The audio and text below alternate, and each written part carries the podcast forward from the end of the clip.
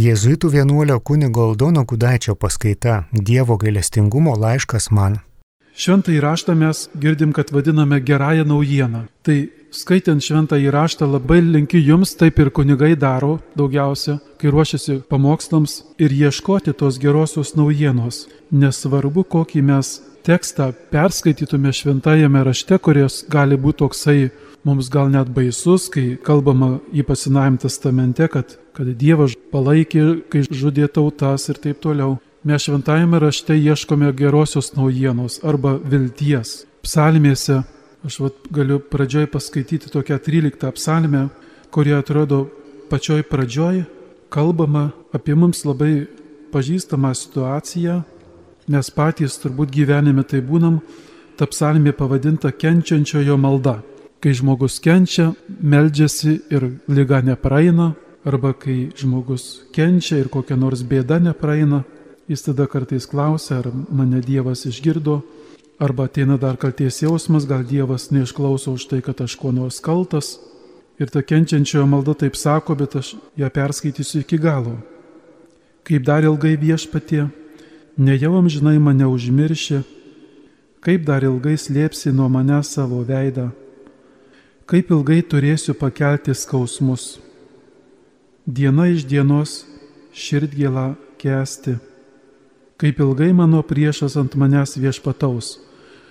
Tai tarsi dėjonė, tarsi kančia, bet jeigu tą psalmę užbaigtum iki galo, jau užsibaigė taip. Bet aš pasitikiu tavo ištikimu gerumu. Mano širdis džiūgaus, nes tu mane išgelbėsi Gėduosiu viešpačiai, jis man buvo geras. Šventas raštas arba Dievo gailestingumas mus moko, kad jeigu krikščionių Dievas tikrai yra mylintis Dievas, visada ieškoti vilties. Ir tai nėra kokia nors teorija arba gražų žodžiai, kaip sako, kenčiančiam kažkokią viltį sužadinį, o vis tiek nieks nepasikeičia. Bet krikščionių Dievas yra tas, kuris tikrai gyvena su mumis gailestinga meilė. Noriu Jums priminti tokį vieną patirtį iš Jūsų gyvenimo. Turbūt sutiksite šiais laikais žmonių, o gal Jūs ir patys esate patyrę. Ypač, kai skaitome Senąjį testamentą. Ten yra toksai pasakymas. Viešpats yra lietai pykstantis, pilnas ištikimos meilės, atleidžiantis kaltę ar nusižengimą. Ir dar toks sakinukas - baudžiantis vaikus už tėvų kaltę lik trečios ir ketvirtos kartos. Kai jūs ateinate kartais dvasinio palidėjimo pa žmonės arba išgirstat, kad jūsų tėvai ir proseneliai kažkaip gyveno nekrikščioniškai. Ir žmonės dažnai sako, štai kalties jausmas, kaip man dabar už savo praeities tėvų prosenelių kaltes atsilyginti. Ir toks žmogus gyvena tokiu vat, prislėgtumu, eina daug mišių, sako, dar koks nors kunigas pasakys, užsakyk Gregorinės mišes 30 atlaikys, tai ta malda yra gerai, kad melžiatės už prosenelius. Bet koks Dievo įvaizdis, kokį mes jį girdim? Žmogus nusidėjo, nuodėmė yra blogai, net į trečią, ketvirtą kartą ji pasilieka. Ir ką mes jaučiam, ką aš jaučiu? Tampu prislėgtas, pradedu kaltinti tą savo prosenelį, kad gėrė kaip iš kibiro, ko jis taip gėrė, dabar čia aš kenčiu, ar dar ką nors. Bet jeigu mes tam pačiam Senajam testamente, Siracido knygoje paskaitytume, kas yra su tais mūsų giminaičiais, seneliais ir proseneliais, kurie padarė gerus darbus. Ir ten tai parašyta. O geri darbai ir meilė siekia iki tūkstantosios kartos. Senajame testamente tai parašyta. Dievo gailestingumas yra jau Senajame testamente. Jeigu jau mes taip raidiškai žiūrint sakome, kad už kaltes praeities ateina ta bausmė iki ketvirtosios kartos, tai ir atsido knygoje pasakyta, gerumas ištikimybė lygi tūkstantosios kartos, atleidžiantis kaltę, nusižengimą ar nuodėmę. Tai kodėl mums nesidžiaugti Dievo gailestingumu, kad kiekvienas geras darbas padarytas eina iki tūkstantosios kartos. Nu žodis gal nelietuviškas. Neusiciklinti kalties jausmo mano prosnelis gėrė, tai dabar aš kenčiu už tai, vat, žinai, ir atgailauju. Vietoj to, kad džiaugtumės, kad tas prosnelis, kur gėrė, gal irgi ir gerą darbą padarė. gal tavo senelius užaugino, gal čia geras darbas ar ne.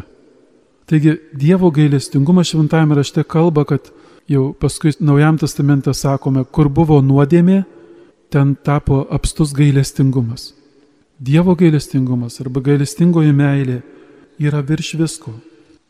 Ir dar jeigu kas nors sakytų, kad ir vis tiek reiškia, mano giminėje buvo netikinčių, ten vėl ko nors, tai paskaitykit visą šventą įraštą ir pamatysite, kad ir Jėzus giminėje tai buvo įdomi įvairiausia. Jūs žinote tokį proprotėvį Jėzaus Dovydą, girdėjote tokį ir ne? Nu ir ką jis pridirbo? Nu gal nepasakosim čia viešai, ar ne? Bet žmogiška prasme tai yra Jėzaus giminaitis, nubuvęs jo kartoje. Taigi Jėzus kaip žmogus žino mūsų žaizdas. Ir jis atėjęs mus moko, kad kiekviena nauja karta mes, mes galim kurti gailestingumą, o ne nenešioti tos naštos, kurią mes patys kartais užsidedam. Labai norėjau šitą paminėti jums, nes mūsų tarpe, sakau, yra daug žmonių, kurie eina iš gydymo pamaldas ir vis sako, gerai įvardinti mūsų žaizdas, gerai įvardinti. Bet dar kartą ta žodis, neusiciklinkim, ne, nepasilikim prie žaizdos. Visas kūnas veikas, o vieną žaizdą, psichologai taip sako, surandam kokią žaizdą ir paskui ją adoruojam. Taip gera, apie ją vaikščiojam su tribaliu, žinot, kur adoruojam, visiems pasakojam. Penktoji klasėje mane mokytoja neteisingai parašė dviejatą, žinai, jau 80 metų senelis penktoji klasėje ir verkė viešpatie brangus, tuo pačiu penktojo klasėje išmoko ir daugybos lentelę, ir draugų susirado, bet atsimena tik tą vieną žaizdą. Taigi Dievo galestingoji meilė šventajame rašte sako, kad ji yra galinga. Skaitykit psalmės, tokia 103 psalmė sako, jis mūsų kaltes toli nusviedžia. Senajam testamente ir naujajam testamente mes randame ir apie Dievo teisingumą ir rūstybę. Tas Dievo gailestingumas nėra toks minkštas kartais sakoma, Dievo įvaizdis irgi negali būti kaip tokio gero senelio. Vaikas sėdi, senelė ant kelių, jo ūsus tampo, mėgot neleidžia, ant kojos lipa, žinai, senelius skauda, bet jis nieko čia tokio, nieko čia tokio. Tikrai nėra Dievo gailestingumas kažkoks minkštas, kur darykit, ką norit, nusidėkit, bet nieko čia tokio. Nuodėmė tikrai yra blogis. Bet kai Dievas parodo teisingumą arba savo rūstybę, tai tam tikra prasme ir tai yra Dievo gailestingumas. Ir čia vėl toks galėtų būti pavyzdėlis būti, mums kunigams labai daug pavyzdėlių duoda toks Ferrero. Tik tiek, kad dabar pasauliečiai skaito juos, tai kai kalbi kokį pasakojimą, tai kokie 18 žmonių sako, jau žinom, jau girdėjom. Bet aš priminsiu 19 kartą. Apie tai, kad Dievas kartais, sakom, baudžia arba rūstus, arba teisingas maždaug tai pagrumoja. Ir Ferrero turi pasakojimą apie sodininką. Turi sodą žmogus, daug vaisių uždara, bet ir didelė tvora, kad vaikai neliptų per tvorą. Nes kaimyno uoboliai visada skanesni būna, žinot. Ir tada ateina ruduo ir tas sodininkas negali visų obolių surinkti, tie oboliai krenta, kai kurie pūva. Bet kai vaikai ateina į sodą pasirinkti naktį arba vakare, tai tas sodininkas išlėkia su šautuvu arba šunį paleidžia ir reiškia išveja vaikus. Ir kaimynas tai matydamas ateina pas sodininką ir sako, ar dabar tau gaila tų obolių ar tų vyšnių, tu matai, kad visko nesutvarkysi. Ir žinot, ką sodininkas atsako? Taigi sako, aš jeigu nevaikysiu, tai jie neteis. Sako, jeigu aš nieko nesakysiu, tai jie neteis. Kai vaikau, kai pagrūmoju, tai jie ir ateina. Nes matyt, Tuo vietoj, kur šunį pririšęs ten labai skanios kreušės, tai jie ten ateina, sako. Ir Ferrer duoda įvaizdį su viešpačiu, su Dievu. Kai mes sakom, kad jis rūstus ar kas nors, pakeiskim žodį, jis gailestingas. Kada žmogus, žmogus įpratęs ateiti ir dėl gerų dalykų, pavyzdžiui, čia jūs šiandien susirinkote, bet kada mes labai dažnai kreipiamės į Dievą. Brolis paskambino, ne tas dvinys, dar kitas brolis. Sako, Buvau pas gydytojus, turbūt bus vėžys. Kaip aš sureagavau? Gulilovo ir sakau viešpatį, kasdien kalbėsiu po rožinį dabar už brolį. Po dviejų dienų brolis paskambina, sako, apsiriko gydytojai, nėra vėžio. Nustojau kalbėti rožinį. Kaip mums kančia, kai mums yra, pajuntam savo ribotumus, kai mes prarandame brangius žmonės, kuriuos labai mylėjom, tuo metu tiesiog savaime mes ieškom paguodos pas Dievą, ieškom suraminimo, ieškom atsakymo, ieškom atsakymo, kodėl taip, kokia prasmė toliau gyventi. Ir tada, tada suprantam, kad tai, ką mes vadinam Dievo rūstybė arba bausme, iš tikrųjų tai yra Dievo gailestingumas. Ir ne dėl to Dievas kaip nors kabutėse baudžia mus arba rūstybė parodo, kad, kad jam patinka, kad žmogus kenčia. Tikrai Dievui nepatinka, kad žmogus kenčia. Šventas raštas sako, kad Dievas mirties nesukūrė. Nuodėmė nėra, kad Dievui patinka nuodėmė. Bet viešpats leisdamas patirti mums žemėje trapumą, ribotumą, primena, kad šita žemė tikrai yra laikina. Mūsų gyvenimas yra laikinas. Net jeigu ir išmelsime iš viešpaties, kad žmogus pasveiko nuo vėžio, arba visi tie žmonės, kurie Naujajame testamente aprašyti, kad Jėzus juos pagydė. Kartais žmonės sako, vat Jėzaus laikais buvo gera, prieini pagydė ir savo švilpojo nereiknė valgyti vaistų, ne pas gydytos eiti. Bet tie visi pagydyti žmonės, jūs galvojate, jie gyvenom, žinai, atėjo laikas ir jie numirė. Sveiki numirė, žinai, senatvė, sveiki numirė. Mhm. Ir vieną rytą atsikėlė, kad neatsikėlė. Tai tai, ką mes kartais vadiname Dievo rūstybė arba kad Dievas mane baudžia, nebijokim, nebijokim pavadinti, ką reiškia, kad ir šitoje situacijoje Dievas yra gailestingas. Ir tikrai rasim atsakymų. Vieną tiesą atrasim, kad tikrai mes esam laikini, kad tai, kas mums buvo brangu labai, mes jau šiek tiek sudėvinom, kas nėra tiesa, kad tai, kas yra Dievo dovana, yra dar ne Dievas. Ir žinoma, Dievo gailestingumą mes labiausiai šventajame rašte galime atrasti Naujajam testamente. Naujajam testamente tas žodis gailestingumas yra rečiau pavartotas, bet Jėzus ne tiek kalba apie gailestingumą kaip kokią paskaitą, bet Naujajam testamente Jėzus elgesis, jo darbai yra gailestingumas. Jo darbai gailestingumas. Yra vienas kitas paminėjimas, kai Jėzus sako, gaila man minios. Gaila man minios ir padaugina duoną gaila man minios.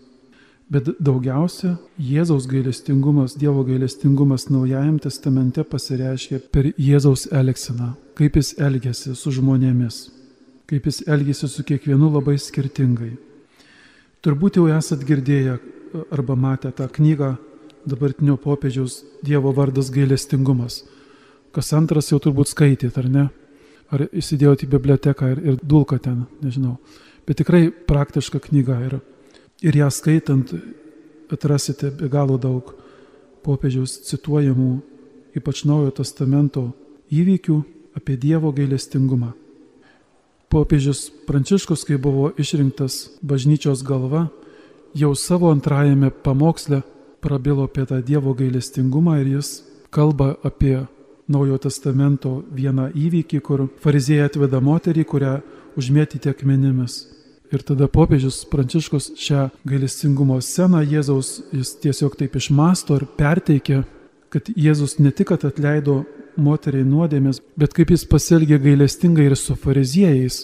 Jis pasakė, kas iš jūsų be nuodėmės, meskite pirmas akmenį. Ir tie žmonės įsiskirstė visi. Kaip jums atrodo, jie įsiskirstė su kalties jausmu, ar, ar su pykčiu, ar, ar kaip nors? Nežinau, kai numirsim, paklausim Jėzaus, kaip ten buvo, bet iš pasakojimų gali suprasti, ten turėjo turbūt atsirasti ir, ir šiek tiek gėdos. Ir taip turbūt Jėzus ir jiems pasakė, kad ir jums reikia atleidimo. Ir popiežius Pranciškus sako, kad gailestingumas, kuo jis prasideda, gailestingumas mūsų gyvenime, kad pripažinti, jog pirmiausia man reikia gailestingumo.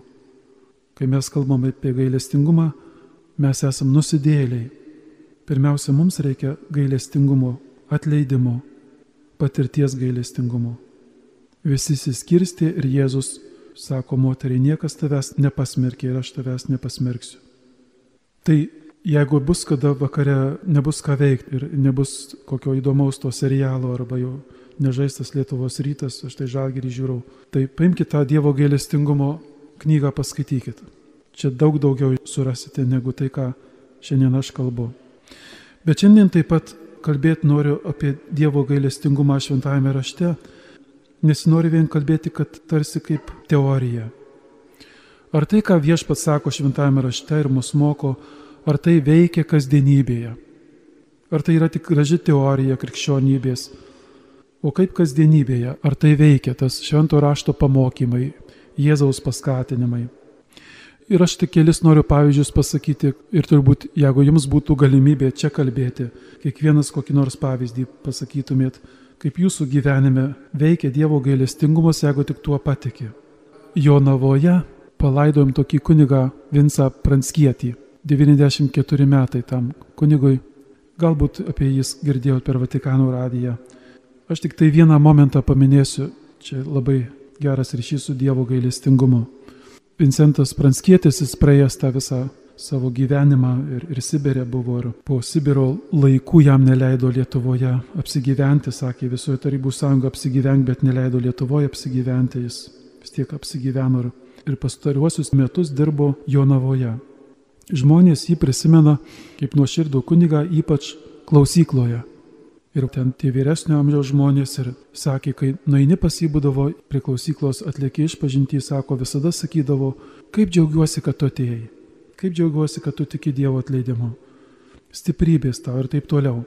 Ir tas kunigas Vincentas Pranskietis tikrai kalbėjo iš to, ką jis pats patyrė savo gyvenime ir iš to, ką jis pamokslaudavo apie šventą įraštą.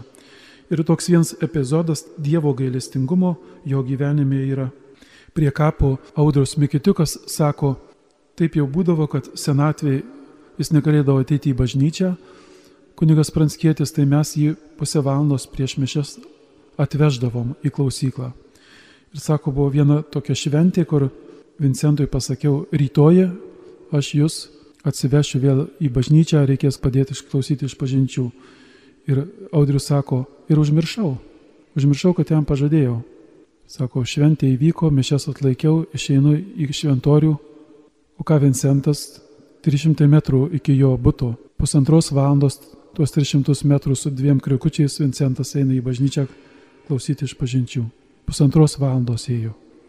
Aš tą pavyzdį sakau, kad tai, ką mes skaitome šventajame rašte, nėra tik graži teorija, apie ką viešpats mums kalba, kaip kažkokia iliuzija. Jeigu tuo bandai gyventi, kuo Jėzus moko, Ir pats žmogus tar, gali būti tapti gailestingas kaip viešpats. Ir net jeigu tą dieną Vincentas neišklausė nei vieno iš pažinties, bet šitas jo liudijimas yra Dievo gailestingumo ženklas žemėje. Antras tas pavyzdėlis čia dabar apie save pasakysiu ne dėl to, kad aš labai šventas, nes mes visi nusidėjėliai, bet tą sakau dėl to, kad Dievo gailestingumą mes galim daugiausia apie jį sakyti savo liudijimais liudijimais, kurie tikri, kurie neišgalvoti, kurie patirti ant mūsų pačių kailių. Ir vienas iš Dievo gailestingumo dovanų yra, kad viešpats moko, jog pajėgtume savo atleisti. Ypač tiems, kurie įpratę save kaltinti. Dar kitus kaltinti mes irgi taip jau įpratę, bet kažkas pabara, nekaltinam. Bet labai dažnai žmogus gyvena su kaltinimu savęs prieina prie išpažinties, vis kartuoja tas pačias nuodėmis ir sako, ypač kartais kai kurios mamos, kurios e, abortą padarė, sako, jau daug kartų išpažinau ir savo net leidžiu. Arba viena dukra sako, mama numirė ir aš nebuvau prie lovos, kai ji mirė. Iki dabar savo net leidžiu jau. Aštuoni metai savo net leidžiu. Ir šventame rašte yra toksai pasakymas, nespėjau surasti tiksliai kurioje vietoje, bet jeigu ir tavo širdis tave smerktų, tai atsimink, kad Dievas didesnis už tavo širdį ir Dievas nesmerkia žmogaus. Dievo gailestingumas pasireiškia, kad jis nesmerkia žmogaus. Ir net jeigu tavo širdis tave kaltintų, tai būna, kaltinam save, kaltinam. Tai Dievo meilė gerumas yra didesnis už tavo širdį, arba jeigu pažodžiai, tai kad Dievo širdis didesnė už tavo širdį, o ji tavęs nesmerkia, nekaltina. Ir šie eilutė ir man gyvenime padėjo savo atleisti. Kai kurie bus girdėję šitą liudijimą, bet, bet šią progą pasakyti. Visada norisi kažko praktiško, ne vien skaityti šventą raštą. Tokia Dievo dovana, kad užaugome mes penki broliai ir sesuos mano, mano šeimoje. Ir taip augom šventai, tėvai pamaldus ir mes tokie visai nieko buvom, tokie geri, nors visko buvo, bet tėvai nežinodavo, kad ir mes į tuos sodus naidavom kaimynų.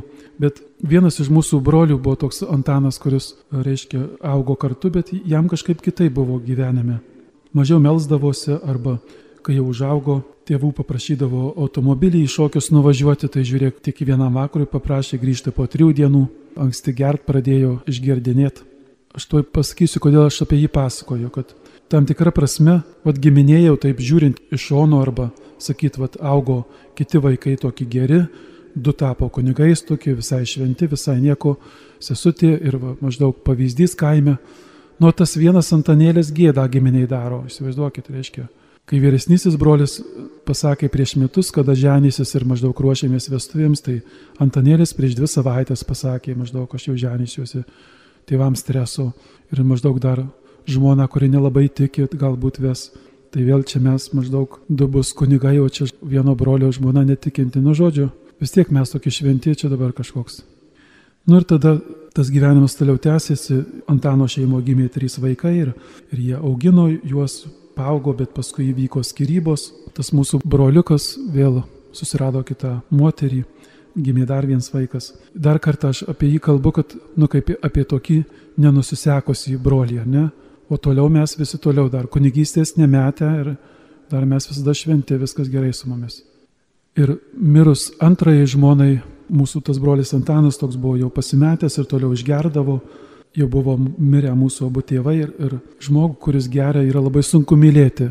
Jeigu jūs tokie giminiai turit, labai sunku mylėti. Jeigu ir priimi gyventai, žiūrėk, prisiskolino arba kažkur pridarė skolų.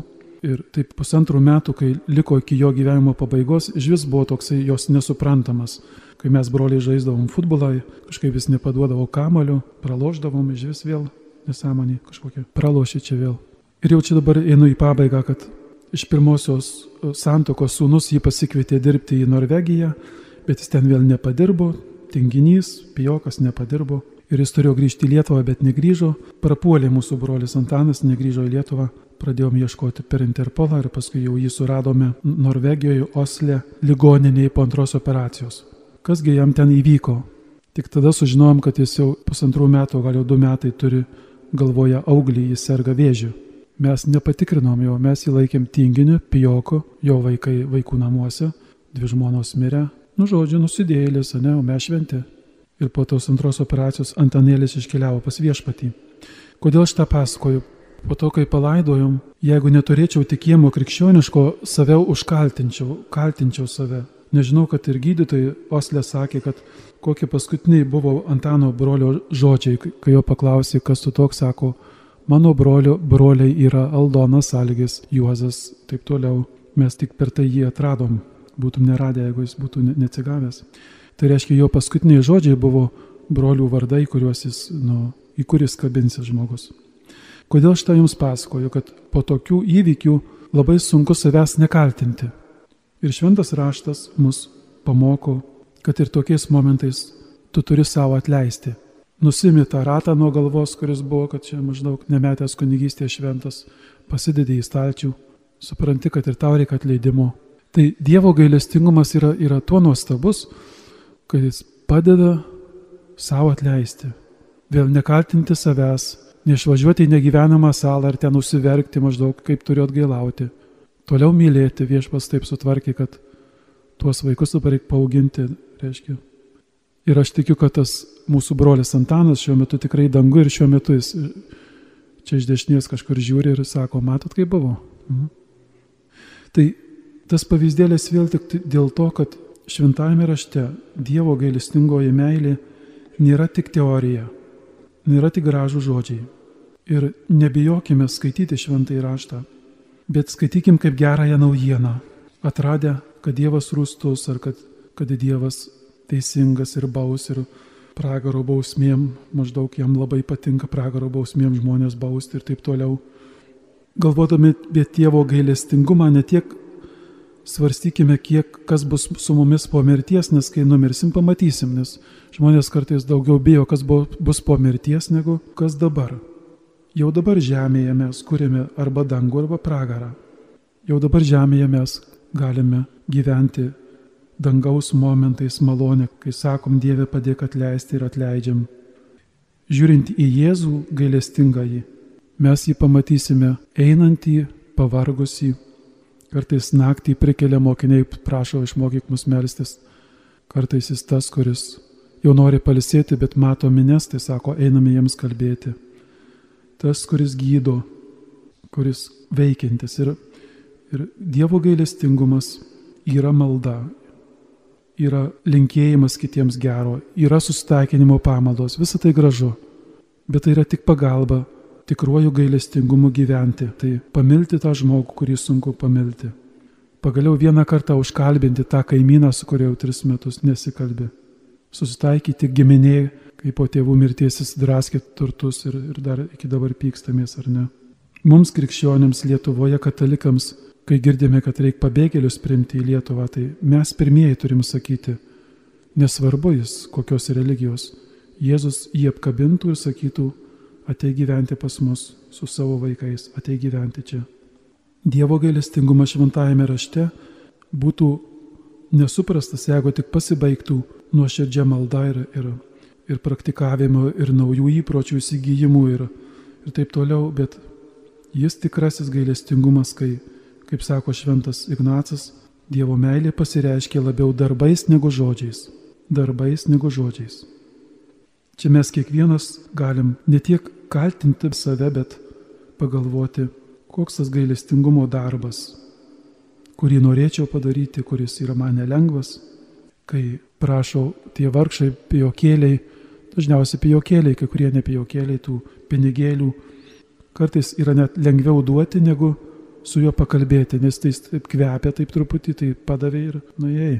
Vietoj to, kad gal atsisėsti ir tą bandelę pasidalinti ir paklausti, kodėl tu čia sėdi, Net tie, kurie dirba su benamiai, sako, žmogui didesnę vertę suteikia jį užkalbindamas ir paklausdamas, kaip tau sekasi, negu duodamas pinigėlį. Girdėjote jėzuitų vienuolio kunigo Aldono Gudaičio paskaitą Dievo gailestingumo laiškas man.